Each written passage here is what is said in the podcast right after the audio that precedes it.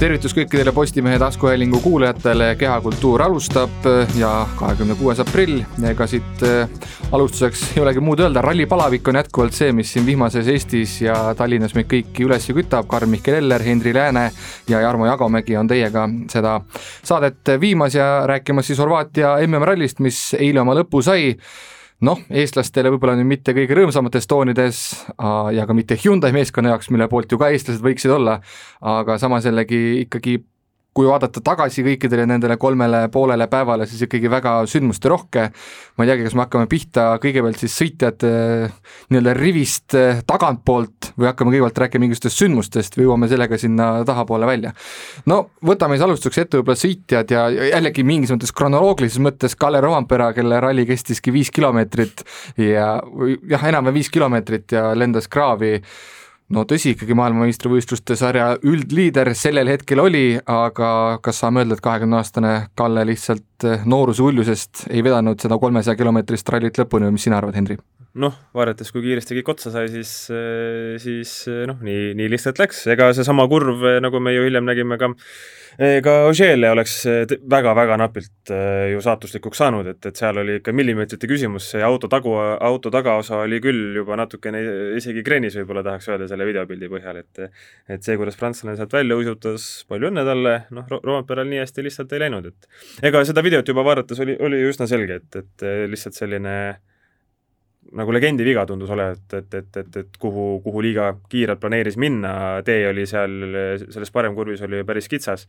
ja, ja, ja mingit, kuidas me ütleme, sellist nagu turvakohta justkui ei olnud, et, et kui natukene kurv pikaks läheb, siis tegelikult oligi ju põhimõtteliselt kohe kuristik, eks ju, või noh, mitte kuristik, järsak. Oli, oli nagu kohe seal, et kurb küll, aga ei ole hullu, eks Kalle, Kallel ongi nagu senine karjäärliiga nagu lepase reega läinud, et, et peab tagasilöök ka, ka tulema paratamatult ja, ja ega nüüd siis, kui korraks vaatame Portugali, mis järgmine etapp on, noh siis seal on ju väga hea, et viiendana esimesel täispikal päeval läheb peale, see vist on ju suht selline sweet spot või selline suurepärane stardipositsioon, millest nagu liiga palju paremaks, paremaks ei lähe ja, ja, ja, ja Portugalis on, on Kalle kindlasti jälle löögijoos ma ütleks omalt poolt, et siin sai väga selgelt paralleeli tõmmata selle Monza ralliga, kus Selfin Evans enda MM-tiitli kraavi ka kaotas, et, et samamoodi, et et eh, Rovanpera sõitis kõige ohtlikumas kohas kraavi ja näitas teistele justkui, justkui nii-öelda tee ette, et kuidas, kuidas teha ei tohiks, et okei okay,, Ogier võib-olla seda, seda avariid ei, ei, ei nii-öelda ei teadnud, aga, aga võib-olla seal mingid lehvitajad jälle oli, et, et see no mingi, lehvitajad olid kindlasti, et, et selles mõttes, et jah, natuke võttis koogu maha nagu ka seal, seal Monsas, et, et jah, et selles mõttes, et mingis mõttes kooliraha maksmine teisest, teisest küljest natuke, natuke ebaõnn ka, et, et ta seal kraavis lõpetas, et Ogier ütles ka pärast katset, et ta teadis, et seal on libe, et kogu see katse on üsna, üsna selline libe ja, ja, ja nii-öelda raske, aga aga oli veel libedam, kui ta, kui ta aimatagi oskas, et selles mõttes, et selline Roampera näitas siis jah, tee ette, kuidas, kuidas teha ei tohi. Jah, et õnn nagu soosib tugevamaid ja antud hetkel ja ka kui vaadata tiitleid, siis tugevam ongi Ožee, nii et Kallel tuleb veel kõvasti tõestada ja loodetavasti hakkab siis õnn ka teda hoidma ja nagu sa välja tõidki, Hendri, ka selle Portugali ralli ka, et et saab tõesti heal kohal startida ja, ja meie õnnetuseks siis see, et ühe punktiga kokkuvõttes jäi eh, Ott Tänak nagu või tõusis siis Kalle Rovampere ette, ehk et seal võib-olla, võib-olla punkt siia-tänna oleks see stardikoht Portugalis veel parem, aga tõsi, mõlemal neil on seal hea variant hakata no, lõppude lõpuks tuleb sõitma. Eh, ju WRC autorist, eh, ma eeldan enam-vähem viimasena tuleb Tanis Ordo, kes niikuinii võidab, et, et selles mõttes hullu ei ole. sportliku poole pealt on nagu natuke kahju, et Kalle Kraavis lõpetas, et okei okay,, tore poiss, aga selles osas ka, et vaadata, kuidas Toyotad liikusid, siis ta oleks seda tihedat esikolmiku, esineliku võitlust ilmselt, ilmselt veelgi tihedamaks teinud, et selles mõttes on, on natuke kahju ka. Selge, aga läheme järgmise sõitjaga, järgmise tiimiga edasi ja selleks on siis äh, tegelikult äh, ralli siis kaks süsteemis äh, lõpetanud või selles superralli süsteemis, restart süsteemis prantslane Pierre-Louis Loubet, Hyundai sõitja, kelle üldarvestuse koha ma praegu jäängi võlgu, aga kes kaotas kolmkümmend kolm minutit lõppkokkuvõttes Ožeele ja Loubet, noh, ütleme ka, vanuseliselt küll mitte, aga võib-olla kogemuste mõttes oluliselt äh, vähe, väiksema pagasiga, kui on Kalle Roompere, kes on enne istunud autorooli, kui õppis kõndima, seda me oleme siin enne ka väitnud, on ju, aga Lube ikkagi pigem oli sellises positsioonis terve see ralli, et oleks pidanud selle ralli lihtsalt sõitma lõpuni, tulema sellele kaheksandale, seitsmendale kohale, aga, aga mees ei suutnud laupäeval autot teel hoida. jah, jälle tal ütleme, kui Rompera osas ju rääkisime, et oi, et ei, ei mäletagi ju, millal ta nüüd oleks siis WRC autoga mingisuguse enda sõiduvea tõttu äh, katkestanud või, või, või välja sõitnud või rohkelt aega kaotanud, siis äh, Lube puhul neid sündmusi noh, võib, võib loetleda, eks ju, mitu tükki kohe. ja, ja ja Lube puhul minu arust eriti nagu märkimisväärne oli veel ka see, et kui võrdleme nüüd Lubeed siin Horvaatias äh, Adrian Formoga, kellest hiljem räägime, kes oli kindlasti selle nädalavahetuse no staar number kaks võib-olla isegi, äh, siis äh, noh, Lube kiiruses jäi ju nagu tegelikult päris selgelt alla. ka enne seda, kui ta, kui ta välja sõitis ju samamoodi, ise ta ju ütles ka, et legendi viga liiga kiirelt läks sinna kurvi, vajus lihtsalt välja ja asi ants, eks ju et see on küll tore, et me näeme noori, noori õppimas WRC autoga siis sõitmist ja, ja, ja ennast proovile panemast, aga, aga Lube tundub ka ikkagi selline, et ta pole nüüd päris selline A-kategooria talent nagu, nagu Oliver Solberg või, või seesama Fourmeau, noh, rääkimata Roamperast, on ju, vaid vaid Lube võib ka olla pigem selline äh, ma ei taha öelda, et Greensmiti tasemel, natukene ikka parem. aga, aga, aga ausalt öeldes praegu, praegu vaadates äh, ei, ei näe küll nagu, et sealt, et Lubest võiks nagu mingisugune pauk tulla, et et pigem võib-olla ka selline tubli nagu stabiilne sõitja kunagi äkki, aga, aga, aga mingit sellist äh, nii-öelda kõige kiiremat või, või või siis vähemalt kiiremat äh, hulka mahtuvat sõitjat Äh, mina, mina oma pilguga küll ei näe. jah, et tegelikult ju rallifännid peavad omaette arvestust ka seal selle nii-öelda tagumise otsa meeste seas, kes olid see, see, sel etapil siis Formeau, Katsuta, Greensmit ja ja Lube, et seal, nagu sa ütlesid ka, siis esiteks ta jäi Formeau'le alla, aga ta jäi ka enamasti Katsutale ja Greensmitile alla, et juba seda enne, juba enne käkerdamist ta oli üllatavalt aeglane, ma ütleks isegi, sest ta on ju juba kogemust saanud selle autoga, aga aga, aga jah. ja pealegi nagu selle Lube kiiruse osas, et, et noh, ütleme, võrdleme Greensmitiga, on ju, et Greensmitil on võib-olla, ma ei tea, paar rallit on nagu WRC autos, autos rohkem, et, et no ja Greensmitist me ju räägime, et see on ju täitsa noh, mõttetu mees on ju, et see ei tohiks üldse ralliauto lähedalgi olla, et, et, et kui, kui juba nii juhtub, siis see juba tähendab, et auto ei sõida. no kui Rich no. Millionaire seda praegu kuuleks, siis ei saaks ühtegi intervjuud tema käest elus enam no, ilmselt küll jah, aga noh, vaatame reaalsusele otsa, ega ta ei saa, ega Milner ei saa ka avalikult öelda, et, et ongi paras kaerajaan, on ju. aga, aga, aga ega, et noh, Lube puhul ongi, et, et ta oli ju WRC kaks või, jah, või WRC kaks Pro või, vist oli. WRC kahes oli, et WRC kaks Pros tol aastal oli ju Rovampere, kui ma ei eksi, kaks tuhat üheksateist. see oli siis nii-öelda erasõitjate arvestus. jah, just erasõitjate arvestus, et seal ta oli ju maailmameister, R5-ga ta oli tõesti nagu hea, et, et selles mõttes Greensmit tuli ju noh, ta, ta ei tulnud nagu mingite tiitlite pealt, ta tuli selle pealt, et eh, WRC kaks Pro klassis oli kolm sõitjat ja siis ta oli seal, eh, enamasti oli poodiumil mis on ju hea saavutus, on ju, aga aga, aga temal ei olnud jah, nagu sellist asiotaaži, mis, mis, mis Lube puhul oli. ja seda tegelikult üllatavam on, et, et Lube ei ole nagu ikkagist nii hästi saanud kohaneda, pealegi sõidab ju Hyundai'ga, on ju, noh, et M-spordis sellest, et see ei ole nagu kõige, kõige väledam auto ja, ja et seal arendustööd ka ju enam ei tehta, eks ju, pärast seda mootori uuendust, et et, et M-spordist võiks ju aru saada, et miks nad siis nagu või et, et, et miks ei liigu, aga, aga et Hyundai'ga Lube niimoodi, siis äh, mina ütleks, et see on natukene üllatav ja noh, sellepärast nagu ei oskagi, ei julgegi liiga palju loota siis tulevikus ka temast. ja, ja teades, et ta siis sõidab Hyundai all ja tegelikult tal on Prantsuse Autospordiliidu tugi ka nagu ühel teiselgi prantslasel, kes siis sellel rallil läks ikkagi väga hästi, siis äh, jah, Hyundai on selline Madridi Real, et neil on ka nagu mängijaid, Madridi Real siis nii-öelda jutumärkidega, põhimõtteliselt mingi tiim, kellel on neid mängijaid nii palju, et sul ei ole võimalik neil nagu algviisikusse või algrivistusse pannagi, on ju, väljakule, et siis seal ühel hetkel võib Adamol või kellelgi teisel see mõte ikkagi tekkida, et kuule, aga meil siin üks mees hoiab ühte kohta kinni, miks mitte pigem Oliver Solbergi sõidaks nüüd kaasa näiteks selle loo ja, ja, ja, ja Lube osas, no ütleme, võtame selle Horvaatia, on ju, et Lube on ju Korsikalt pärit, me ju kõik teame, et seal, seal kruusateid ju vist üldse isegi ei eksisteeri, et seal on kõik ainult asfalt, eks ju, et et asfaldiga peaks väga kodune olema ja Prantsusmaa meistrivõistlused ka on niikuinii, seal on ju, seal on vist isegi eraldi asfaldi meistrik, meistrikad on ka olemas. Ja, ja noh, Lube on nagu neid asju kõike sõitnud, et et seda ei, seda rohkem on imeks pandavam, et miks ta ei, miks ta ei ole kiirem, kui ta on olnud, noh, miks? Jah, ja tegelikult kui võtta, kui, kui sellest küsimusest nüüd nii-öelda, kas nüüd kinni võtta, aga edasi minna, siis äh, üldarvestuse kaheksanda on lõpetanud ja samuti aastal veel üles kasvanud ja jällegi Hyundai sõitja Craig Breen oli ka natuke ikka nagu kahvatu, et äh, tegelikult kui me mõtleme esimese võistluspäeva peale, siis tegelikult oli ju Tänakuga enam-vähem tempos ja nii-öelda täitis seda Hyundai kolmanda sõitja rolli, aga pärast seda, kui tal laupäeva hommikul rehv katki läks, kaotas kaks minutit, siis mees oli nagu täiesti, täiesti muutunud ja seda mitte heas mõttes siis oli löödud jah ja., ega ajad ka liiga head ei olnud, nüüd muidugi see, et ta punktikatsel teine oli vist, eks ju? jaa, teine jah. et see, et seda punktikatse, kui vaadata neid pardakaamera salvestusi ja videoid, siis no see katse oli kohati, et no täpselt samasugune nagu eelmine aasta, kui Priin sõitis neid mingeid Iirimaa etapp, Iirimaa neid äh, asfaldietappe seal, et kitsas ja, ja, ja ja metsa vahel kuskil, et äh, pole ime, miks ta siis seal kiire oli, aga, aga, aga ega muidu jah, noh, ta ise ju ka oli kuidagi väga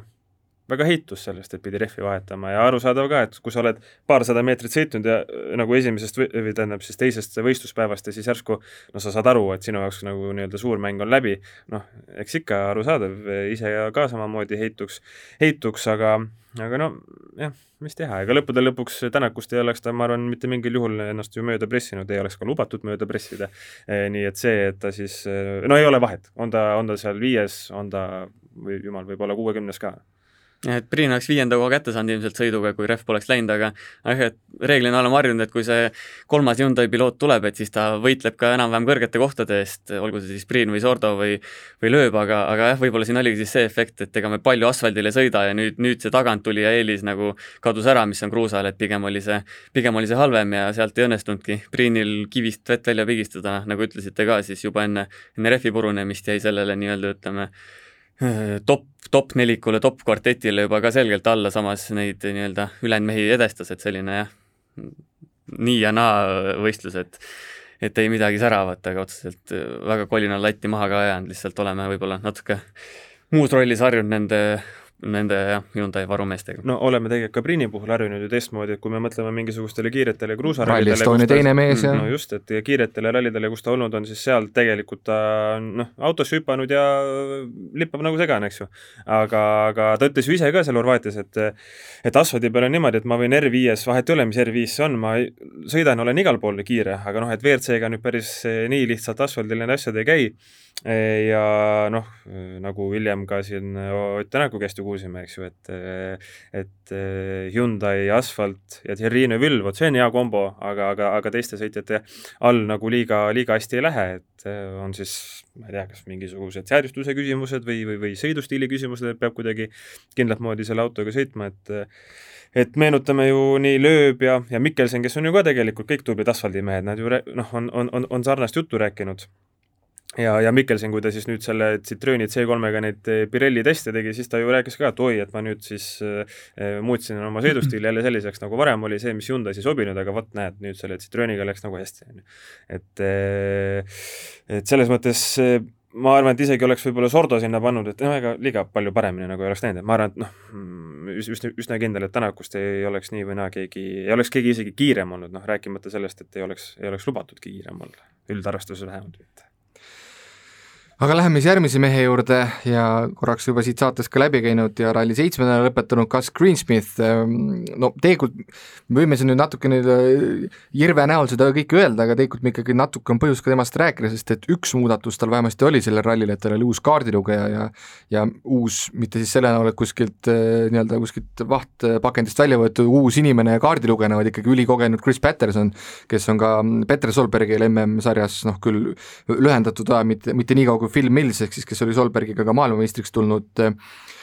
Briti saartelt pärit mees, aga, aga Greensmith mingis mõttes jällegi tundus, et ta nagu sai mingisugust enesekindlust mingisugustel hetkedel juurde. et ma, ma päris nagu minema teda veel ei viskaks, arvestades, et tal on terve see hooaeg ikkagi veel sõita, et ma usun, et ta mingil etapil kindlasti võiks nagu üllatust ka pakkuda. no üllatus, vot et ja kas positiivne või negatiivne no,? ei no negatiivselt ta ei saa enam üllatada, me oleme, me oleme kõiki neid asju näinud, aga aga noh, üllatada, no ma ei tea, aga, aga igatahes ei, selles mõttes äh, tundus küll, et Horvaatias see kui me ütleme allajäämine, ajaline, ma ei tea, sekund kilomeetri kohta need, või see äh, ajaline allajäämine kilomeetri kohta, eks ju, tundus olevat väiksem kui mingitel teistel rallidel. ei ole nüüd muidugi seda süvaanalüüsi teinud, äh, aga, aga, aga, aga niimoodi tundus äh,. aga noh, sellest hoolimata, ega ütleme jällegi, sest võtame Katsuta ja Greensmiti, nad on suht sama kogenud äh, WRC autoga ja, ja noh, Katsuta üldse mingi endine vormelipiloot ja rallist ta ei saanud ju ööd ega mütse mingi hetk aru. ja, ja, ja kui hakkas ralliga tegelema, siis see areng on olnud ikkagist nagu kiirem. aga, aga Greensmiti puhul noh, ma ei tea, eks M-spordi ilmselt auto mängib ka mingit rolli. Ja, ja ega uus ralli uue kaardilugejaga, eriti veel Horvaatia, mis on ju täiesti uus ja mille noh, kõik ju rääkisid, et see on keeruline, vahet ei ole, kas oli Doge või või, või, või Lube või Greensmith, on ju. et, et siis tegelikult isegi ütleks, et eh, Greensmithi nagu taset või eelmine, eelnevaid tulemusi arvestades pigem ta peaks rahule jääma, ma arvan, selle, sellega, mis ta Horvaatias nii kiiruse poolest kui siis ka lõppkoha eest nagu saavutas, et et see ei ole, nüüd Horvaatias ei ole küll koht, kus, kus peaks nagu irvitama tema üle, eks ju. muidu jah, noh, Kriismit on ju nagu F1-s on Nikita Mazepin, eks ju, et mees, keda nagu jah, mõnitatakse, sõimatakse söögi alla, söögi peale, aga noh, ma ei tea, eks järgnevad rallid näita ka võib-olla vähe paremini, noh, võtamegi näiteks ka, ka kas või Portugali, eks ju, et see oli vist ka tema esimene kord ju WRC autoga. ja, ja seal ta tegelikult ju, kas ta lõpetas ka kraavis ja lõpuks oli jah, viimasel hüppel risti tee peal. kolmsada meetrit enne finišit äh, katkestas, jah, see ei olnud kõige parem äh, näide tema oskustest, aga aga ka sealgi tegelikult saab ju, ütleme, taga alustada, et sõidujoon peaks olema nagu üsna, üsna hää ja ja, ja ehk siis äh, on nagu mingit sorti enesekindluse leidnud ja suudab ka seal head tulemust näidata, kuigi jällegi Horvaatias oli ja samamoodi see probleem, et kus üks hetk ta jälle hakkas nagu hädaldama või oli liiga niimoodi, oli liiga peanorus, siis ta rääkis, et kuidas talle seal kolm inimest äh, enam-vähem panid noh, sõimasid näo, näo täis ja ütlesid, et lõpeta ära, hakka lihtsalt sõitma. korraks tundus, paaris katseks see nagu siis äh, oligi emotsioon tal parem, aga pärast seda jälle tundus, et oli nagu mingi selline väike tujulangus või nii, et äh, eks ma arvan, tema puhul tundub väga palju on ka nagu ütleme siis vaimses pooles kas just kinni, aga aga see igatahes on, on, on tema jaoks mm, pealtnäha olulisem kui, kui mingite teiste sõitjate jaoks, tundub vähemalt et minu arust oli Greensmiti puhul ikkagi üks ja peamiselt ainus mõõdupuu oligi tiimikaaslane Adrien Formeau, kes sama autoga sõitis ja talle ta vastu ei saanud ja selles mõttes kindlasti ikkagi, ikkagi negatiivse poole peal, et üks mees tegi debüüti, teine on selle autoga sõitnud, okei okay,, uus kaardilugeja, aga ikkagi, et, et selles mõttes ikkagi ma arvan, natuke, natuke lati alt läbi ja võib-olla mis nagu kogu sellist tervikut puudutab, siis sellepärast ta nägi võib-olla parem välja, et ikkagi palju ei arendata seda M-sporti, M-spordi Fordi, aga nüüd oli see uus mootor peal ja vähemalt kiiretel lõikudel see pealtnäha vähemalt töötas ja aega võitis, et võib-olla sealt selline natuke pettekujutelm tekkis ka Greensmiti kohal, aga aga ma just jah, võrdleks teda Formoga ja seal tuli ikkagi selge allajäämine. No aga läheme siis järgmise sõitja juurde, juba oleme jällegi ka temast natuke rääkinud, ehk et kuuendana lõpetanud Takamoto Katsuta ja temagi ehk oleks olnud ka variant natuke kõrgemal tõusta, ehk siis Formoga seal võitlus tegelikult ju natukene ka käis, äh, kui me vaatame nüüd sekundid lõpuks kakskümmend kaks koma üks jäi, jäi neil vahet, aga, aga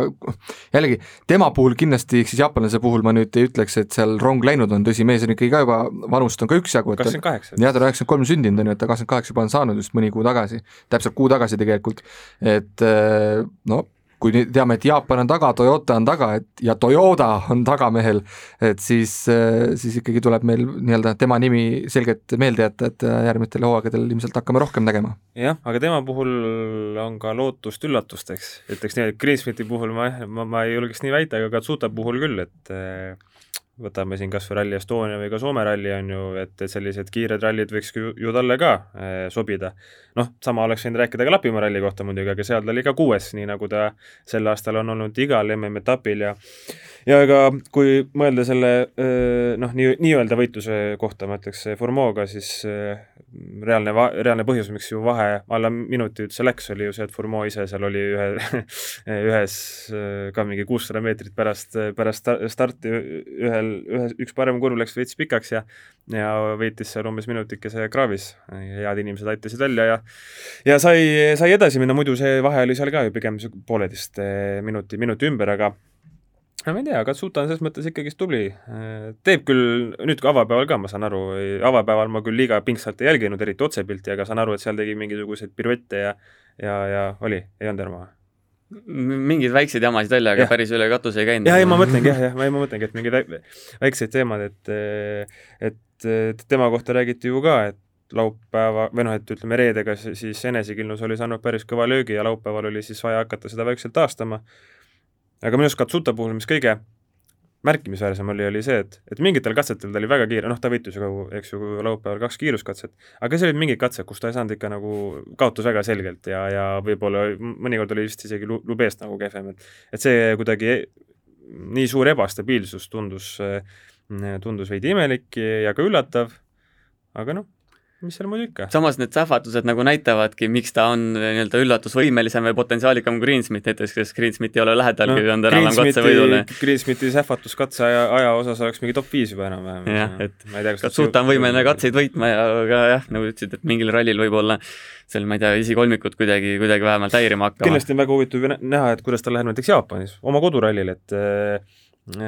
seal, eks tal oli kindlasti pinged ka nagu suured, aga aga, aga kui nüüd saab siin äh, kenasti hooaja kaasa teha selle WRC autoga, siis äh, no Jaapanis võiks juba täitsa ju oodata midagi ka. lisaks siis nendele kiiretele rallidele. ja, ja kui ta veel just nimelt ja mõnel kiire ralliga hea tulemuse enne Jaapanit teeb, siis on nagu see furoor ka kõrgem. ja et ise tunneb ka ennast hästi, et ohoo, kuule, asjad, asjad, mis mulle sobivad, et seal ma võin tõesti lõpuks nagu hea tulemuse sõita, see ei ole ainult mingi jutt või see ei ole ainult mingi teooria, vaid praktikas äh, ka võib nii minna. samas siis ongi seda stabiilsust vaja, milles välja tõid, et jah, siis ei piisa üksikutest katsevõitudest. seda ta ütles tegelikult ise ka, et tal on nüüd see järgmine samm vaja astuda, on ju, et sa ei mhm. saagi kõike nüüd korraga saada, et ja ma kiirelt vaatasin üle ka, et see oli Katsuta kümnes WRC auto start MM-sarjas ja Greensmithil oli see kaheteistkümnes, nii et tegelikult me saame neid mm -hmm. mõlemaid noh, põhimõtteliselt ühte mingisugusesse patta nagu panna. jah, noh, Katsutal on Soome meistrivõistlustel no, ka küll, kaks starti, aga, aga, no, seda, aga seda on ka nii vähe ikkagi noh, et see, et see nii-öelda ei loe, eks ju, selle valimi valimi, valimi põhjal, et eh, minu arust küll Katsuta, Katsuta on vahva, et eh, natuke võib isegi kahju tegelikult, et juba selline no kahekümne kaheksa aastase inimese kohta ei saa öelda vana. tegelikult aga... see rallis ei ole isegi nii hull äkki. Noh. no jaa, aga samas vaata Vegon Kauri kas või näiteks. no seda igavesti noor. seda ka, aga noh, samas vaata Katsutal on vist kaks last ka kodus, on ju, et üks hetk on ka võib-olla, et ütleme, ta on kolmkümmend viis, tegelikult hea sõitja, võiks veel viis aastat, viis aastat edasi panna, aga naine ütleb, et kuule noh, et ole, ole natuke rohkem lastega ka, et ära reisi kogu aeg, on ju, noh. et selles mõttes, et kui Katsuta oleks, ma ei tea, selline Fourmeau või, või Lube vanune, on ju, et noh, siis oleks, oleks, ma arvan, tulevik nagu vähe lõbusam, aga, aga sellegipoolest mina igatahes küll usun. no maailmameistrit temast ei tule ilmselt, aga nagu no, mingit kaarte võib segada seal natuke. jah, ja Toyota enda jaoks on juba tegelikult ju oluline, et ta oleks hea sõitja, et see on ju nende jaoks ilmselge selline motivaator, miks MM-sarjas üldse nagu jätkata ka tehase tiimina, on ju, mitte, muidu nad võiks lihtsalt panna, võib-olla annavadki ühe auto, eks, ütlevad, näe, kasuta, mine mine lippa, aga, aga, aga kui on, oleks tal jah, et kui Katsuta läheb hästi, siis on ka Toyota, ma arvan, seis MM-sarjas nagu kindlam. No temaga saame siis eh, selle teema temast lõpetada, aga minnes siis eh, sõite juurde, Adrian Formeau, WRC auto debüüt MM-sarjas, viies koht kokkuvõttes ja ikkagi põhimõtteliselt ikkagi ka mängus sees, selles mõttes, et tõsi, katsevõitud oli tulnud, ta sellele tegelikult oli ka vahepeal päris lähedal, aga üks sekundit jah, ja oli Ogier see, kes talle muidugi jälle ära tegi, et kaasmaalane ja kindlasti suur iidol. ja no kui me nüüd rääkisime siin nii Greensmiti kui ka Tsuta puhul, et ja noh, ka Rovampere puhul paratamatult, et ikkagi noored sõitjad, kes hakkavad ennast midagi kujutama, siis Formeau on nagu sellel kõige noh, kui see on madalamal, aga WRC autode mõttes kõige esimesel astmel, et alles esimene ralli tema jaoks ja ja selles mõttes tõesti võib-olla suuremaid ootusi-lootusi oligi keeruline panna ka kindlasti, mm, ega ja, ja veel, et M-spordiga see viies koht tuli, on ju, et see on nagu seda, see, see teeb selle tulemuse veelgi märkimisväärsemaks ja ja, ja paremaks. Minu arust üldse Formeau puhul tema see karjäär on kuidagi nii, nii eriskummaline või see, see, see tõus on, on lihtsalt äh, suurepärane, lihtsalt suurepärane, et kui sa teed oma esimese sportrallide kaks tuhat seitseteist, no neli aastat tagasi siis üks hetk hakkad, eks ju, sõitma äh, R5-ga, noh, ja siis mingi aeg tal oli ju ka, ma mäletan, mingisugusel talverallil ta tahtis vist R5-ga sõita, aga ei olnud raha, aga nii palju raha oli, et oleks saanud R2-ga sõita. ja siis ta ütles, no okei okay,, aga ma lähen sõidan. noh, et, et see on ka nagu vahva, et ta et ta ütleme, igal juhul tahab neid kilomeetreid koguda, et ei ole nagu see, et oi, et ma juba siin kurat terve viiega olen sõitnud, et ma esiveolise selle, selle naljatõlle peale enam ei lähe, vaid, vaid ikkagist ta ise, ise jah, soovib ka nagu väga, väga koge-, kogemusi hankida. ja et nüüd siis nagu nelja aastaga, eks ju, WRC autosse ja noh, väga, väga korraliku kiirusega, väga keerulisel rallil äh, kannaks ma mütsi, võtaks, võtaks mütsi maha, kannaks ma kahte mütsi, võtaks, võt-, võtaks need ka kõik tema ees maha. ja mis mulle väga meeldis, oli ka see, et Miller seal rääkis üks hetk, et kuidas Formeau enne õppis ju meditsiini, eks ju, et ta oli vist neli aastat õppinud et kui Didier Oriolist räägiti, et ta oli, et ta on maailma kiirem kiirabiautojuht, eks ju, ma ei tea täpselt, mida Formeau õppis muidugi, äkki õppis arstiks lihtsalt, eks ju, siis oleks ju hea, et, et kui ta oleks selle arstiteaduse lõpetanud, siis oleks Prantsusmaal olnud suurepärane rallitu, et Prantsusmaal on ralli kuningas, lööb, prints, Ogier, aga siis ka ütleme, kui on vaja kuhugi kiiresti reageerida mingisugusele meditsiiniline, meditsiinilisele hädale, siis pane Oriol ja, ja, ja see Fourmeau kokku, eks ju, ja vaata, kui kiire ekipaaži saaksid jah, et ma seda võib-olla nii-öelda rallisõidu stiili nii hästi hinnata ei oska, aga mulle meeldiski rohkem selle selle kuti suhtumine, et, et iga katse lõpus ta oli, oli ikkagi ülivõrdes, rääkis sellest autost ja üldse, üldse võistlemisest, et ma ei tea, kaks aastat ei ole nii õnnelikku M-spordi pilooti näinud, et see oli nagu värskendav ja, ja tore näha, et ta ikkagi, ikkagi nautis rallisõitmist, okei okay,, debüüt, aga aga ikkagi, et siin mõned nagu teevad, vahepeal tundub sunnitööd, et oli tore ja värskendav näha seda Formo positiivsust, eriti siin eelmise aasta Lappi ja Sunineni kommentaaride kõrval. jah, ja, ja, ja paralleeli tahaks sellega siis, see on, see on hea point ja, ja meenutas Solbergi selles mõttes, Solberg oli ju seal Lapimaal täpselt samasugune, et katse lõppes siis ainult, ainult naeris, ei suutnud lihtsalt äh,, emotsioonid olid, olid nii ülevad, et äh, Formo puhul jah, sama ja ja Formo puhul on ju ka siis jah, nagu sa ka, Karl, mainisid, eks ju, see, see Prantsusmaa Autospordiliidu tugi nagu taga ja ja pärast nüüd sellist äh, suurepärast debüüti on väga huvitav näha, kui palju ta see aasta veel sõidab ja kus ta sõidab. et äh, ma usun, et noh, a la mingi Belgia ja no ilmselt asfaldirallid võiks küll täitsa olla ju tema nagu leib, et samamoodi noh, Prantsusmaal seal neid asfaldi, asfaldietappe noored, noored sõitjad ju sõidavad palju seal võiks ta nagu äh, hea olla äh,, aga huvitav on näha ka seda, kuidas ta siis nüüd selle nii-öelda kõrgenenud pingega hakkama saab, et, et ilmselgelt, kui ta järgmine kord näiteks no ütleme, ütlemegi, et osaleb, eks ju, Belgias, eh, samamoodi asfaldiralli, et, et seal järgmine kord osaleb, eh, noh siis ütleme niimoodi, et kui ta nagu nendest katsutadest ja lubeedest ja nendest kiirem ei ole, no siis on ju kohe, et oh, oh, mis, mis värk on. et ma pole nüüd, polegi nüüd näinud, et huvitav, kas kuskil on juba räägitud ka, mida siis ütles Malcolm Wilson huvitav oma sellele äh, Eh, debütandile Formule pärast seda rallit, et kas lisas mingit motivatsiooni või juurde, et mehel on äh, variant uuesti saada kiirelt WRC auto rooli, sellepärast et kui nüüd mõelda, et kes on Gus Greensmiti suur toetaja, perefirma Crown Oil, et äkki siis Prantsusmaal tehakse ka mingi riiklik korjandus, et, et nende kütusefirma Total hakkas ka võib-olla rohkem siis raha alla panema, et saaks ühe kütusefirma teise vastu ära vahetada. no see ju, aga vaata, Total ei saa veel nagu teha, sellepärast et Totali ka ikkagi nad ju investeerivad rohelisse energiasse, eks ju, et kuidas sa nüüd see aasta siis, kui vaata, vaata, mootoritega, järgmine aasta on nelja kilovatised hübriidmootorid, oi kui vahva siis, siis on, see on ju nii roheline. siis ju võib hakata, aga, aga nali naljaks, igal juhul eh, Suninen, näiteks eh, M-Sport on ju rääkinud ja Suninen ise on rääkinud, tähendab, et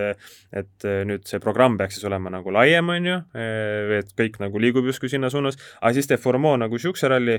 no aga siis väga ei tahaks Suninenile rohkem anda ausalt no, öeldes no.. ongi paras segane olukord, sest Suninen ütles, et talle nüüd a la mingi kaheksakümne kümme rallit juba garanteeritud, et alguses pidi enam-vähem pooleks olema Formoga, et kuidas nad selle asja nüüd lahendavad, aga aga elu on näidanud ka, et tiimipealikud võivad, võivad karmilt otsustada, kuigi see on enamasti Adamo käekiri. ja ega õnneks alati on ju võimalus, et M-Sport paneb siis kolm autot välja, mis küll ilmselt no liiga nagu tõenäoline vist ei ole, sest neil seal tehases ma arvan, väga autosid enam ei ole. Ja noh, kuna Suninen ka ikkagist on see aasta näidanud, et kraavis võib käia küll ja noh, Greens, Greensmiti puhul me peame seda kahjuks alati nagu ootama,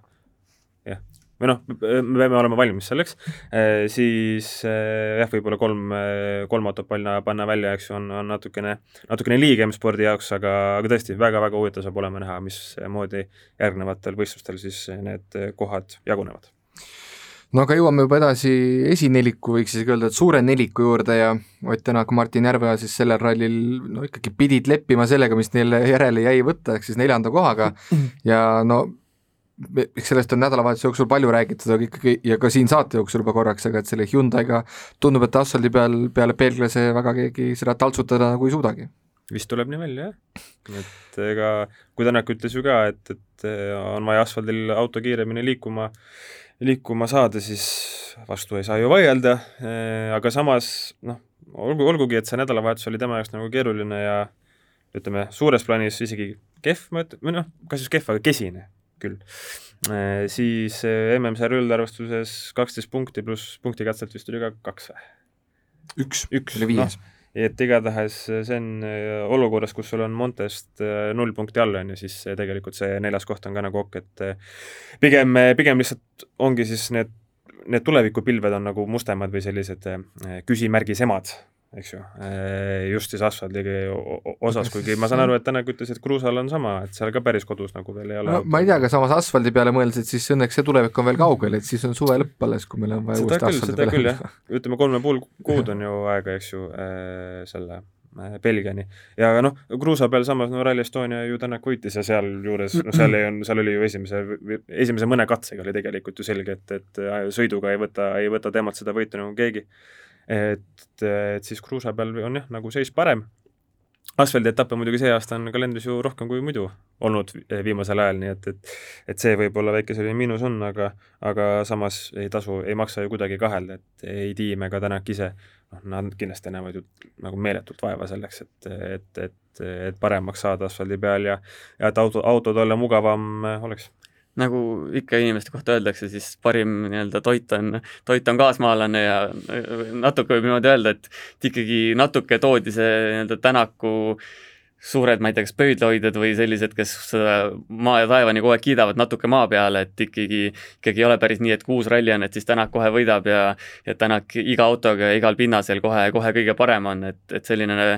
reaalsuskontroll natuke oli ja, ja võib-olla see ikkagi nagu pikas jooksus, pikas jooksus tuleb kasuks ka, aga ütleme, et jah, et kokkuvõttes ikkagi tark otsus oli see, et ta ei hakanud seal punnima, et kui ta nägi, et et ei tule sealt midagi, võtame selle, selle neljanda koha ära, et pikas jooksus ju, ju need punktid tulevad, tulevad kindlasti kasuks ja midagi, midagi läinud veel ei ole, et et jah, et see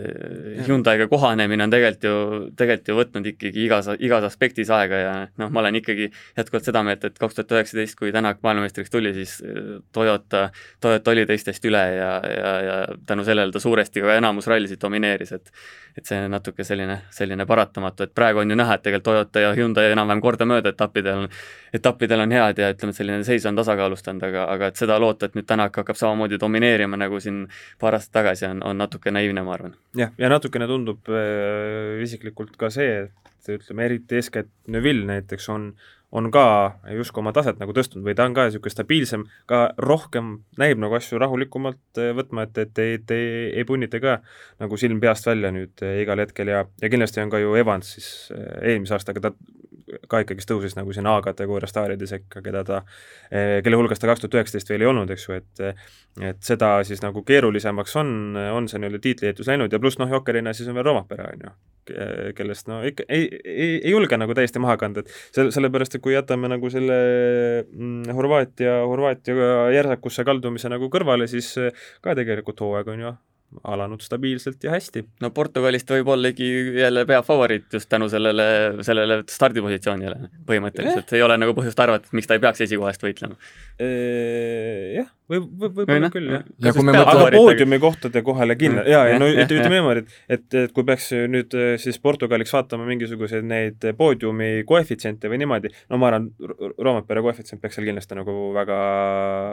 väga madal olema. või noh, kas just väga madal, aga ütleme, kuuluma madalamate hulka, ütleme siis niimoodi, et, et kindlasti ta jah, näidanud ikkagist ju sellist stabiilsust ja, ja, ja kruusa peal saab ta ka kindlasti väga hästi hakkama. jaa, ja kui punktitabelit ka korra veel piiluda, et siis Tänakul nelikümmend punkti, Ožeel kuuskümmend üks, kes siis tõusis liidriks, ehk et kakskümmend üks punkti vahet ja ühe punkti kaugusel äh, Tänakust on veel Roampere ja Tänakut me ju ei kanna mingisugusest tiitlivõistlusest ju veel maha, nii et äh, selles mõttes ei saa ka Roamperet kanda kindlasti. esimene kvartal hooajas sai läbi. jah, kuigi selles no. mõttes, et nagu sa ütlesid, et äh, suur nelik, siis sellel rallil oli ikkagi suur kolmik, sest Tänak natuke oli hirmutav, et ta nii palju ikkagi maha jäi sõiduga, okei okay,, seal esimesel päeval läks, esimesel-teisel päeva alguses läks rehvide nahka, aga, aga ikkagi noh, natuke selline harjumatu olukord oli, et Tänak pole üldse mängus. no seda küll, samas ütleme, ega pühapäeval oli ju ka pigem näis strateegia olevat see, et äh, läheb äh, läheb rehvi hoidma nendel esimestel katsetel ja siis punktikatsel üritama midagi vajutada, aga noh, ega ta punktikatse lõpus ütles kah, et noh, et ei tunne ennast nagu hästi, et et siis ei saanud ka nüüd liiga, liiga hulluks minna, et et see kaotus jah, ütleme liidrile või üldse esikolmikule lõpuks ootamatult suureks kujunes, samas nagu ma arvan, sellest numbrist endast nagu liiga palju ei tasu jah. Äh, välja teha, sest et seal oli lihtsalt erinevad, erinevad põhjused, aga ma arvan, et sa ütlesid väga õigesti no,, jah, et ei tasu, ei tasu oodata nagu seda, et vahet ei ole, kus ta läheb mm, -hmm. kuhu ja millega, et et oleks nagu siis automaatselt paremate hulgas, et päris nii ei ole. jah, et aga avapäevas ütleme pool minutit juba oli niisugune, et enam-vähem mäng mängitud, et sõiduga no, seda ikka kinni ei võta naljalt, noh. esikolmikusse ei sõida ennast, jah. ja, ja kui me seda järele jäänud hooaega vaatame veel ja mõtleme selle peale, et need asfaldirallid on kaugemal natukene, siis tuleb edu sisse teha. siis tuleb edu, ja ma mõtlengi, Portugal, Sardiinia on ju, mis saab Keeniast, aga ka kalendris ta on, siis Rally Estonia, no oleks pidanud ka ju Soomeni veel tulema, noh et põhimõtteliselt oli ju ideeliselt viis kruusarallit järjest ja noh, hooaeg paratamatult lõpeb asfaldi omadega, nii et samas pärast no, Rally Estoniat tuleb liider olla, siis saab asfaldil kenasti ees sõita, siis on lihtsam. vot just, just. ja ega ma arvan, Keenia osas noh, asjad on, eks ju, tiimid on asjad teele saatnud, aga ei üllataks üldse, kui üks hetk need laevad seal pööravad ikkagist ringi ja hakkavad Euroopa poole tagasi tulema. aga kindlasti ma usun ka seda, et kui Keenia peaks näiteks ära jääma, noh, koroona tõttu on ju, kuna seal see olukord ei ole kõige roosilisem, siis kindlasti asendatakse see millegagi, et kas või ma ei tea, Liepaja etapp, mis oleks ideaalne, noh, oleks suurepärane tegelikult,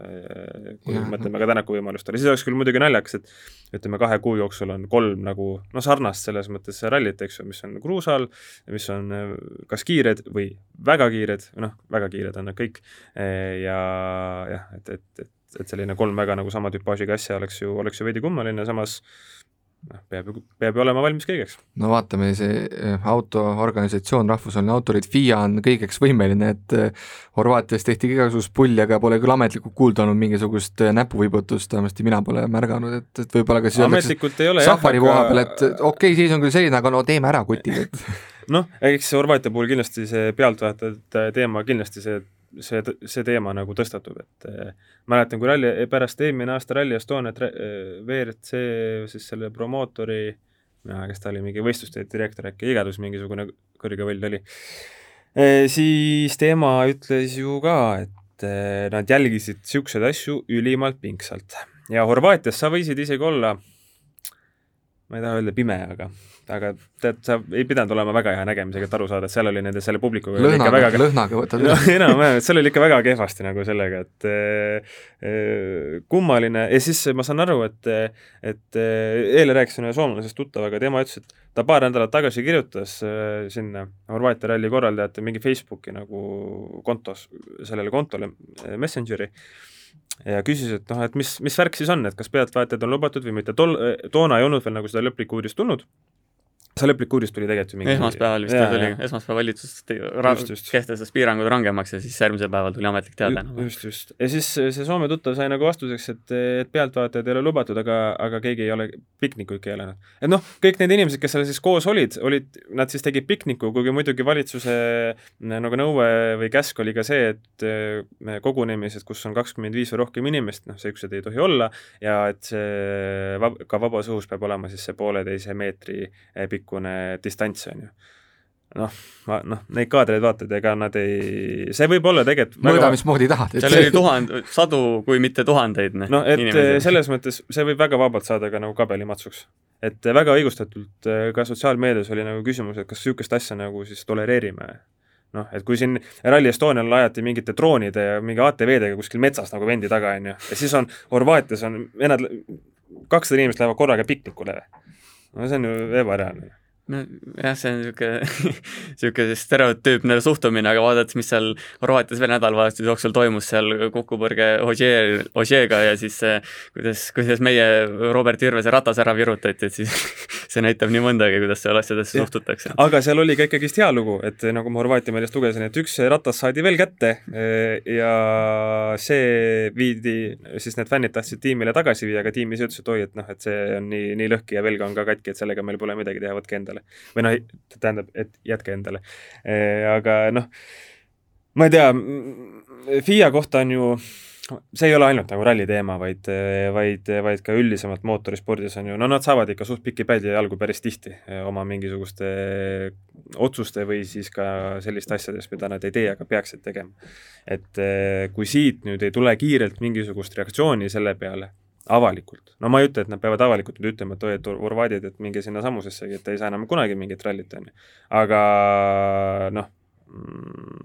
siin on ilmselgelt mingit nagu vastust vaja. puhtalt ka selleks, et järgnevate etappide korraldajad, et neile oleks tehtud asi veelgi nagu selgemaks ja võib-olla ka Horvaatia karistada siis kuidagi noh, et,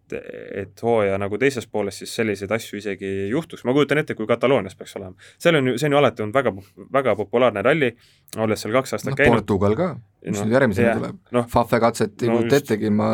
ma ei tea, mitukümmend tuhat pealtvaatajat seal tiivikute all oli. täpselt, et eh, kui siis seal Lõunamaa mehed ka mõtlevad, oi, aga Horvaatiasse läksid piknikule, lähme ka, noh aga noh, see lõppude lõpuks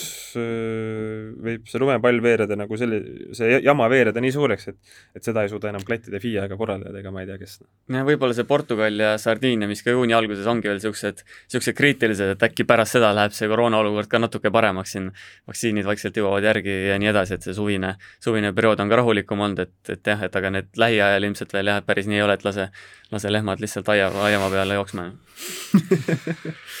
okei okay,, näed, see on su Ottenaku teema lõpetus põhimõtteliselt. aga võtame esikolmiku ka siis, noh, tegelikult me oleme, mitte siin saates, aga põhimõtteliselt on neist ikkagi juba nii palju räägitud, nagu kui Thierry Neuvilli nädalavahetus kokku võtta, no tegelikult mehel oli õnne selles mõttes, et ta sai reedel sõita pikalt selles vabas sõiduvees pärast Roampere katkestamist ja ja siis ta näitas väga vinget minekut, võttis katsevõite ja sealt edasi enam mitte nii nobedalt, aga, aga seal oli selles vales rehvi valekus ehk laupäeva hommikus ka oma, omagi nii-öelda roll mängida. aga Neuvill oli ikkagi hea ja kolmas pood poodium, eks ju, sellel hooajal kõik uue kaardilugejaga ja, ja kõik särki-värki, me ei oska mitte midagi halvasti öelda, et äh, igav see teine taak tal on. Nüüd äh, veidi enne Horvaatia rallit ta Horvaatia meediale andis ka mingisuguse intervjuu, seal ma mäletan, küsiti, et äh, mis tunne sul on, et oled sa, oled oma karjääriga rahul või, või mis värk sellega on, et oled kogu aeg nagu teiseks jäänud, ei ole võitnud, et mis tunne on ja, ja siis ta ütles, et ta on tegelikult oma karjääriga tohutult rahul, et ta on tulnud perekonnast, kus ei olnud palju raha, töölisklassi perekonnast, ta ei, ei saanud WRC autosse sellepärast, et tal oleks mingi, mingisugused miljonid taga. et ta on kõik nii-öelda raske, raske töö ja tulemustega välja teeninud ja ei saa ju vastu vaielda sellele, eks ju. et juba kaks tuhat kolmteist vist oli see, kui ta oli MM-sarjas üldarvestuses oli ju teine, eks ju. et seal Ožee küll vist mingi, ma ei tea, saja neljakümne punktiga enam-vähem võitis, üle saja punkti vähemalt see vahe oli, aga ikkagi, et see hooaeg tundub tõesti, et ta noh, ta liigub nagu, või see Neville teeb sellist hooaega, nagu teeks maailmameister, noh. et sa ei ole igal pool võib-olla kõige kiirem, aga, aga sa oled ikkagi stabiilne ja sa ei tee mingeid lollusi ja sa võtad need nagu kindlad, head punktid ära. no ma julgen öelda, et Neville oli kõige kiirem ikkagi Horvaatia rallil, tahaks vähemalt öelda, aga jah, et see, ütleme, et. Adamo Käkk seal ikkagi laupäeva hommikul ikkagi võttis talt võiduvõimaluse ära, et seal ju need seal on need sekundid sulasid veel hullemini kui, kui kevadine lumi ja, ja kohe, kui ta pani õiged rehvid alla, ta oli jälle seal kõige kiiremate hulgas, et et ma arvan, et ta, et ta oli, et ta oli kõige, kõige nobedam, aga, aga et jah, et kolm korda kolmas see hooaeg ja ma arvan, et ta ei peaks nagu otseselt väga pettunud olema, et, et kenasti, kenasti mängus sees ja nagu sa ütlesid ka, siis äh, peaks juba olema ammu küps, aga saab järjest, järjest küpsemaks, et et pingutab põhimõtteliselt seal, kus vaja ja, ja ka ei lähe nüüd üle, üle limiidi, nagu siin mõnikord juhtunud on, aga samas, samas tema need hetked tulevad võib-olla kõige pingelisematel nii-öelda momentidel välja, et vaatame, mis siin hooaja teises pooles tuleb, aga, aga jah, ma ei tea, siin, kui tal vahepeal selline, selline võib-olla halb kuulsus on küljes olnud, siis mulle ka on ikkagi, ikkagi tegelikult sümpaatia sõita ja natuke isegi võiks pöialt hoida, et, et ta vääriks kõik, vääriks ka ikkagi kunagi seda MM-tiitlit, ma usun. jaa, ja peale, noh, ütleme, varem oleme näinud ka tegelikult ju, kus tal on korralik hooaja algus, aga siis kuskil see, ütleme, teine pool kas just päris aia taha läheb, aga, aga ei ole, ei ole nagu päris nii hea. et kindlasti saab olema huvitav näha ka seda, et kuida, kuidas just nüüd see aasta tal läheb selles vaatevinklis, aga, aga jah, mina ei, ei oska ühtegi halba sõna öelda. ei ole mingi nutuvill, noh. see on, see on, see on paha sõna. ja kuna ta on siin viimane Hyundai mees ka, siis ma ise tabasin ennast selliselt mõttelt, et ma viskan teile ka selle kondi hambusse, et ma ei tea, et kuidagi Andrea Taamo selline kuvand on kuidagi viimastel aegadel minu jaoks kuidagi selline natuke, ütleme, et tasemes alla läinud, et minu arust see mees ei suuda enam ühtegi normaalset, normaalset intervjuud äh, anda, ta on sellises mingis oma rollis, mida ta nüüd nii räigelt üle, üle mängib kogu aeg, et et selline kuidagi, kuidagi kahtlase, kahtlase mulje jätab ja ma ei tea, kas see kuidagi kandub ka üle sportlikult siis Hyundai tiimi, et ma ei tea, ala ta on, ta on oma otsustes nii kindel ja arvab, et, arvab, et tema ei eksi või kuidagi. Niisugune, minu arust ta on nagu natuke oma rolli liiga, liiga sisse läinud ja, ja natuke ära unustanud, mis ta päris töö eks Adamo puhul on alati, me Karliga oleme seda eriti hästi omal nahal, omal nahal kogenud, et kui mõne, mõne sportlase või sporditegelasega on niimoodi, et noh, sa nii-öelda intervjuud võidki siis teha ju justkui vaba jutu vormis, eks ju, arutate nii-öelda asju, kus on sekka ka mõned küsimused, siis Adamoga niisugust asja ei saa teha, Adamole sa pead noh, konkreetse konkreetse küsimuse esitama ja see, see kõik on nagu minu jaoks fine, et see pigem see, et ta siis nii-öelda näi-, et ütleme nende intervjuudega kas või WRC otse ülekandes vahepeal noh, ei ole nagu kõige sellised no ikka aga päris palju on. ei ole, ei ole kõige mugavamad olukorrad, siis seal tihtipeale on ka, on, ongi asi selles, et näed, seal hakkavad lihtsalt nagu juttu ajama, eks ju, mis mingite noh, a la mingi Latvala ja Milneriga, see on jumala fine, eks ju. Äh, aga Adamoga päris nii, nii ei saa ja üks hetk oli ju ka, ma mäletan, üks nendest reporteritest seal midagi küsis või tähendab, ütles eel-, ootas ja eeldas nagu, et Adamo vastab, Adamo ütles, aga mis küsimus on? noh, et see kõik on minu arust nagu arusaadav ja, ja ka mis puudutab seda nagu rehvi valikut ja seda, siis ega noh, ma ei usu küll kindlasti, et see oleks nagu tema mingisugune otsus olnud, et äh, pigem lihtsalt tema äh, hea juhina viskus enda kõikide meeste kaitseks, on ju, aga täpselt nii, nagu Kott Tänak hiljem ütles, et noh, et ärge nüüd liiga tõsiselt seda võtke, et ta ongi lihtsalt ülimalt enesekriitiline, et ega mitte mingil juhul ma ei usu, et Hyundai's on niimoodi, et et Tänak ütleb, et laupäeva hommikul ütles, et kuule, et võt-, läheks viie vaata kõva seguga, on ju, et ma nägin, et Ožee pani ka nagu niimoodi ja siis Adamo, ei, kaks kõva, kolm pehmet ja muud varianti pole. niisugust asja, noh, ma ei usu, et, et on. ja, ja pigem see on, pigem ongi jah, nagu siis võti selles, et mis Adamo ka ise ütles, et, et see organis-, see, kuidas ta on selle organisatsiooni struktuuri üles ehitanud, et seal on siis nagu mingisugune kala sees, eks ju. see tundub nagu tõenäoline, aga noh, liiga palju selliseid vigu ei saa enam ju lubada, et üks hetk või noh, hooaja lõpuks võivad ju kõik sellised pealtnäha pisemat sorti asjad kätte maksta, nagu sai ka öeldud, et kui Neville selle laupäeva nelja katsega ta kaotas kolmkümmend sekundit. See on nagu meeletu, meeletu vahe. ja ma arvan, me ei tohi ka seda ära unustada, et tegemist on väga kindlakäelise itaallasega ja itaallasi on meil ralli MM-sarjas tegelikult päris vähe, on ju, nii tiib-, noh sõitjad põhimõtteliselt ju polegi praegu ja, ja igasugusest administratiivsest tööst rääkimata, et ja kui ta tuli MM-sarja kaks tuhat üheksateist, on ju, võttis ta Hyundai juhtimise üle, on ju. Et äh, jah, oli küll ju see aasta, kui Ott Tänak võitis tiitli, siis ta esimest aega, esimest hooaega ju tiim-mänedžer, et ega ta tuli siis ka suhteliselt niimoodi niisuguse näoga sinna sisse, et nüüd mina ütlen, kus asjad on, võib-olla ta mingil hetkel jättis mulje, et ta on kuidagi ava-, noh, viskas siin nalja vahepeal isegi Alba-rallil käies eelmine aasta oligi niisugune, patsutab õõlale, tuleb, käib pressikeskuses, mudib kõigi selgasid, koroonareeglid on ju, käib, räägib, kuidas värgib, no kõigil niimoodi. ja siis ühel hetkel, kui ta on, no oligi näiteks nüüd see eh, Horvaatia näide, et vale refi valik, ta võidab ise, kui tiim võidab, tema võidab ja juubeldab koos nendega, me oleme näinud juubeldamisi, kus ta ju vaatab taevasse ja valab pisaraid ja kui tal läheb valesti või kellelgi teisel, mis pole ka tema otsus, tema elab selle lihtsalt nii sügavalt läbi ja on sellest nagu nähes ka nii löödud lihtsalt, et ta nagu noh, siis otsibki mingit välist teemat, mille peal siis seda, kas on siis antud juhul siis reporter, kes jääb hambusse ja saab selle tule enda peale. jah, selles mõttes, et nagu kõik inimesed äh, mure ja nii-öelda pinge momendis lahendavad olukorda erinevalt, et mõned naljaga, mõned nutavad, et ega Taamol olid ka nüüd rasked ajad ju seal ikkagi kogu Horvaatia ralli jooksul, ega kogu aeg asjad ei sujunud, eriti, eriti seal algusest peale Ott Tänakul, et et jah, et ma ei tea, naljaga pooleks võib öelda, et võib-olla liiga pehmeks läinud, sest Ott Tänak pani ka kahel esimesel päeval ju täiesti rehvidega mööda, et võib-olla oleks pidanud kindlamalt ütlema, et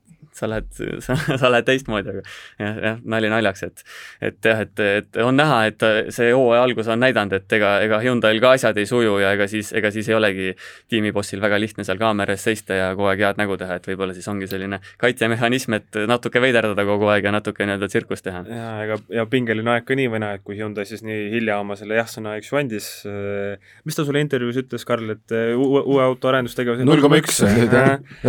zero and one et noh, seda nagu ma ei tea, liiga võib-olla tõsiselt kah ei julge nagu võtta, on ju, et sa ikkagist äh, mingisuguse ütleme, viie, seitsme kuuga autot ju ei ehita, no okei okay,, sa võid ehitada, aga noh, pigem see nagu liiga hea, ma arvan, ei tule ja, ja, ja ja kui sa autoga valmis saad, tähendab, tähendab seda, et kõik töötajad tahavad ära minna, sellepärast et äh, lihtsalt ületunnid on nagu nii meeletud olnud. aga noh, see tundub küll nagu ilmselge, et ega seal selle Hyundai korteriga või peakontoriga oli nat-, natukene ikkagi sellist äh, maade jagamist nagu, nagu oli. arusaadav ka, et äh, nende WRC võistkondade aastaeelarved ulatuvad ju kümnetesse miljonitesse eurodesse, et ähm, see ei ole lihtsalt mingisugune kommiraha, mida küsida, eriti koroonapandeemia ajal, aga noh, vägev, et vähemalt äh, nagu jätkavad ja, ja isiklikult loodaks küll, et Adamo jätkab, et see oleks ju päris, päris vahva, kuigi Hyundai's on tegelikult ju need, seda kogemust on korraga, et on korralikult, et tiim, tiimi mänedžer, eks ju, on ju, on ju, on ju Alan Benas, kes noh, rallimaailmas on nagu ju tiirelnud kah kaua ja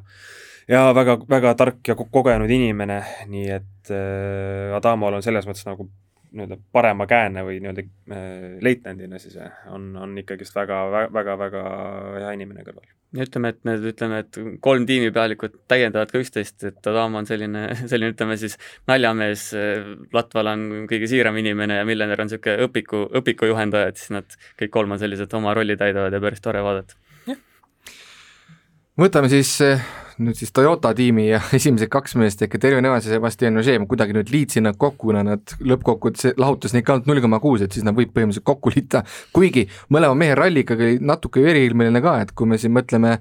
võtame esmalt siis Evansi, siis no okei okay,, ma olin terve nädalavahetus ka selles rallis nii sees, et mul esimese hooga nüüd kohe ei löögi ette, et mis tal siis nii, nii väga juhtus sellel rallil? minu arust Evansi ja... jaoks täiesti anonüümne ralli tegelikult. Nii nagu ta ise on, vaata anonüümne, mida nagu imelik mõelda, sellepärast et lõpuks noh, ta oli nagu võidus nii kinni ja isegi noh, ka teine koht on väga hea, aga ongi, et kui mõtled, mis ta tegi,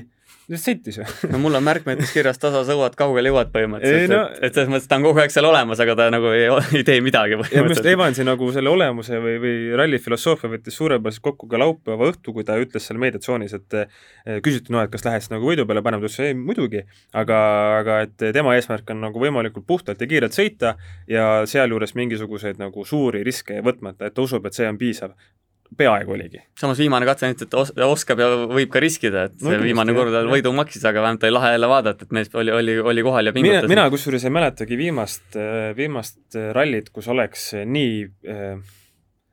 ütleme, rallit jah, kus siis ütleme, see viimane päev esiteks oleks nii pingeline olnud, aga teisalt ka siis see, see splittide jälgimine oleks nii põnev olnud, et kui see, kui Neville oli viimase katse finišis, jäi alles vist, Ožeel oli vist üks vahepunkt enne finišit veel ja, ja Evansil oli kaks, siis olid ikka silmad olid kõrdis küll seal ja, ja süda puperdas ja kõik ja ja lõpuks, kui siis see oli ju, et viimases vahepunktis ju Evans oli kaks koma üheksa taga Ožeest ehk siis eh, nii-öelda virtuaalses üldarvestuses sekundiga ees, lõpuks, ja siis lõpuks tuleb see, et nelja koma viiega kaotas katsel võtsin kõik oma matemaatikavõimed, võtsin, võtsin kasutusele, see on null koma kuus sekundit, issand ja lõi pulsi isegi sel olu-, ses, ses olukorras üles, kus Tänak ei olnud kõrges mängus, et lihtsalt just teised mehed võitlesid. Toyota ja... mehed ka veel täitsa nagu selles mõttes no, suvalised nii-öelda. absoluutselt, ja vaatame, vaatame ka nagu mingeid lugejanumbreid ja niimoodi, on ju, mm. siis äh, väga korralikud olid, hoolimata sellest, et, et tõesti jah, nagu sa ütlesid, et Tänak nagu kõrges mängus ju ei olnud, eks ju. et äh, eestlane, eestlane, eestlane on rallirahvas selles mõttes, ei, ei tasu nagu kahelda selles aga jah, noh, null koma kuus sekundit on nagu vägev lõpp äh, väga lahedale rallile. Evansi puhul jälle, üks, üks aasta ta kaotas null koma seitsmega, ma mäletan mäletan. see oli Argentiina kaks tuhat seitseteist oli. see oli see, kui ta sillas käis? ja, jah, see, kui samamoodi kõksuga umbes null koma midagi läks jälle ja, ja, ja, ja et aga noh, eks muidugi sellel viimasel katsel, no seal me ju nägime, Neville pani täiega ja tegi väikse vea, Evans pani täiega, tegi väikse vea, Ogier pani täiega, tegi väikse vea. et selles mõttes noh, parajalt hullumeelne nagu näha, kuidas kolm siis tipp-pilooti annavad endast sada kümme protsenti ja, ja, ja, ja seda oli kõik ka nagu sellest näha, et kuidas nad higistasid pärast katseid, vaata, võtsid oma selle kiivri ära ja siis oli, oli näha ju, et kõik, kõik leevendas nagu oleks kuskil Soome saunas käinud, aga aga jah, ei, ma ei tea, vägev. Kogu see niisugune, see esi, esinelik kokkuvõte võib-olla ongi lahe vaadata, et Dogier järgmine aasta lõpetab karjääri, et praegu need kõik see esinelik on kuidagi saanud eh, nii küpseks ja kuidagi kõik, kõik sõidavad targalt ja, ja, ja, ja kiiresti, et eriti nagu, eriti nagu tihe on see võitlus seal esiotsas ja sellepärast ongi huvitav ja pulss lähebki lakke, et. eriti vägev on, jah. no vot, nüüd, nüüd ongi see, et kas, kas lõpetab karjääri Ogier, on ju, sellepärast et erinevatest intervjuudest, mis siin no, mitu aastat rääkinud. erinevad intervjuud, mis siin enne rallit sai tehtud tiimipealikega, siis ikkagi nad kõik andsid mõista, et vaatame ikka, mis Ogier teeb, ka Latvala ise ütles, et üks asi võib lõpetada selle nii-öelda täispika hooaega sõida, aga võib sõita siiski need kuus või seitse rallit, mis on ikkagi ka väga arvestatav ja vaata, kuidas siin mõne aastaga võid seal ka ikkagi võtta,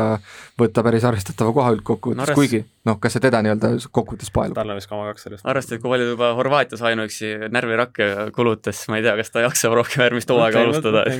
ja ikkagi see on ju, mäletan, see oli vist kaks tuhat üheksateist, mina olin siis veel Õhtulehes, Karl, me olime seal samal rallil koos, mäleta täpselt, kus see oli, aga kuskil igatahes soojas kohas. Kataloonia äkki või? äkki oli ja seal ma mäletan, ma tegin Ožeega intervjuu, seal ta ütles ka, et no, et ta oli ikka naine mitu aastat juba rääkinud, kuule, aitab, aitab, et, et ole, ole meiega, meiega ka rohkem ja ja noh, kindlasti see mängib ju suurt rolli ja pealegi ta ise ütles ka, et nagu see tiitlite rekord näiteks ei ole talle nagu oluline. noh, et on tal siis nüüd seitse või kaheksa või palju neid on, on ju, et, et, et see selleks mm,. küll, selles ma olen küll kindel, et Monte Carlos me näeme kaks tuhat kakskümmend kaks kindlasti, eriti kuna see on ju siis veel noh, selle uue, uue autoga, on ju, või noh, uue ajastu autoga. seal on ta kindlasti kohal, aga ma ei, mulle isiklikult ei tundu, et ta oleks nagu seda tüüpi, no viitsiks sõita nagu Priin või, või Sordo või mis teeb sellega, noh, võidab seal, võidab ralli siin, võidab ralli seal või on kuskil poodiumil, no aga üldjoontes tal ei ole sellega mitte asjagi teha ju. Nad on seitse... Montest on aru saada, sest see, see seletatakse tema kodukohas põhimõtteliselt, on ju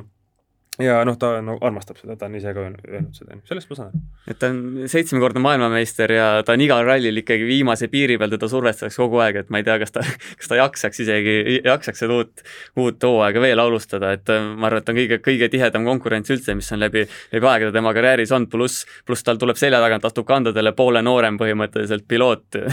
ehk Kalle Rovampera, et ma ei tea, tundub igati loogiline, et ta ikkagi lõpetab ära. nii nagu Carlos Sainz äh, on mentor Jan Soolansile võiks Ogier nüüd karjääri lõpetada va, vahepeal võib-olla kuskil Monte Carlos käia ja olla mentoriks Adrien Formole, vot, see oleks ju hea. või Gus Greensmithile näiteks Neid mehi on siin palju, kellel, kellel oleks võib-olla vaja. No, Formo ise on ka, eks ju, öelnud, et, et, et Ogier on nagu tema kõige suurem iidol, et eh, noh, Ogier'l on, ma arvan, seda, kuidas ennast siis mootorispordi kaudu väljendada, on ju palju võimalusi ja siin eelmine aasta ka ju rääkis, et tal mingid mõtted on, mida pärast WRC karjääri teha, pigem tundub ka selline, et Dakar võiks talle nagu huvi pakkuda või äkki see mingi ringrajasõidud DTM-i on proovinud siin ju, testinud no., et, et Saksamaal ta tegelikult vist elab ka iseenesest vist, kas ei ole nii või? ma ei tea. peame, peame, peame Flight Radaris seda eralennukit vaatama, et kus ta, kus kuhu läheb, aga, aga a la mingil Yamaha on see äkki, on ju mingisuguses noh, päris GT-klassi ma arvan, ta või sinna LMP-sse vist ei oskaks teda nagu panna, aga no samas ei tea ka, eks ju. noh, et selles mõttes variante nagu tal on palju. Ja, ja noh, järgmine aasta niikuinii see hooaeg on ilmselt pikem, ei ole kaksteist etappi, ilmselt on veel rohkem reisimist, et noh, isegi kui sa teed nagu pooliku hooaja, siis see on ikkagist väga suur ettevõtmine, kõik need testid ja valmistumine ja noh, nii edasi, nii edasi, et et ei tea. äkki annab oma kaardilugeja formaali Ingress ütles, et tema teeks hea meelega seda sporti väga kaua edasi. senikaua, kuni saab uutesse kohtadesse minna, on tema rahul. noh no vot, kui palju mõtteid siia lõpetuseks tuli. igal juhul hea meel on öelda seda, et kui meil oli Arktika ja ja Horvaatia vahel ikkagi päris pikk paus, siis järgmist rallit me enam nii kaua ootama ei pea, sest et kakskümmend mai läheb Portugalis juba võidukihutamine lahti ja nagu me ka läbivalt tegelikult siin saates ka sellest rääkisime, et siis on tegemist ju ka nüüd esimese kruusaralliga Pirelli rehvidega ja need stardipositsioonid on ka nüüd sellised, mis, mis võiksid ikkagi nüüd tähendada, et ehk eestlastel ikkagi on nüüd, nagu sa ütlesidki, et klikid tegelikult olid ka nüüd sellel rallil päris head, aga ikkagi nüüd, et vaadata seda selle pilguga, et kas meie mees nüüd võtab võidu Portugalis või mitte. Jah, ja Horvaatia puhul veel tahaks öelda ka seda, et väga tore oli jälle näha sellist pika ralli formaati, kakskümmend kiiruskatset, mina ütleks, et see on mõnusam kui see, ma ei tea, kümme või natukene rohkem, on ju.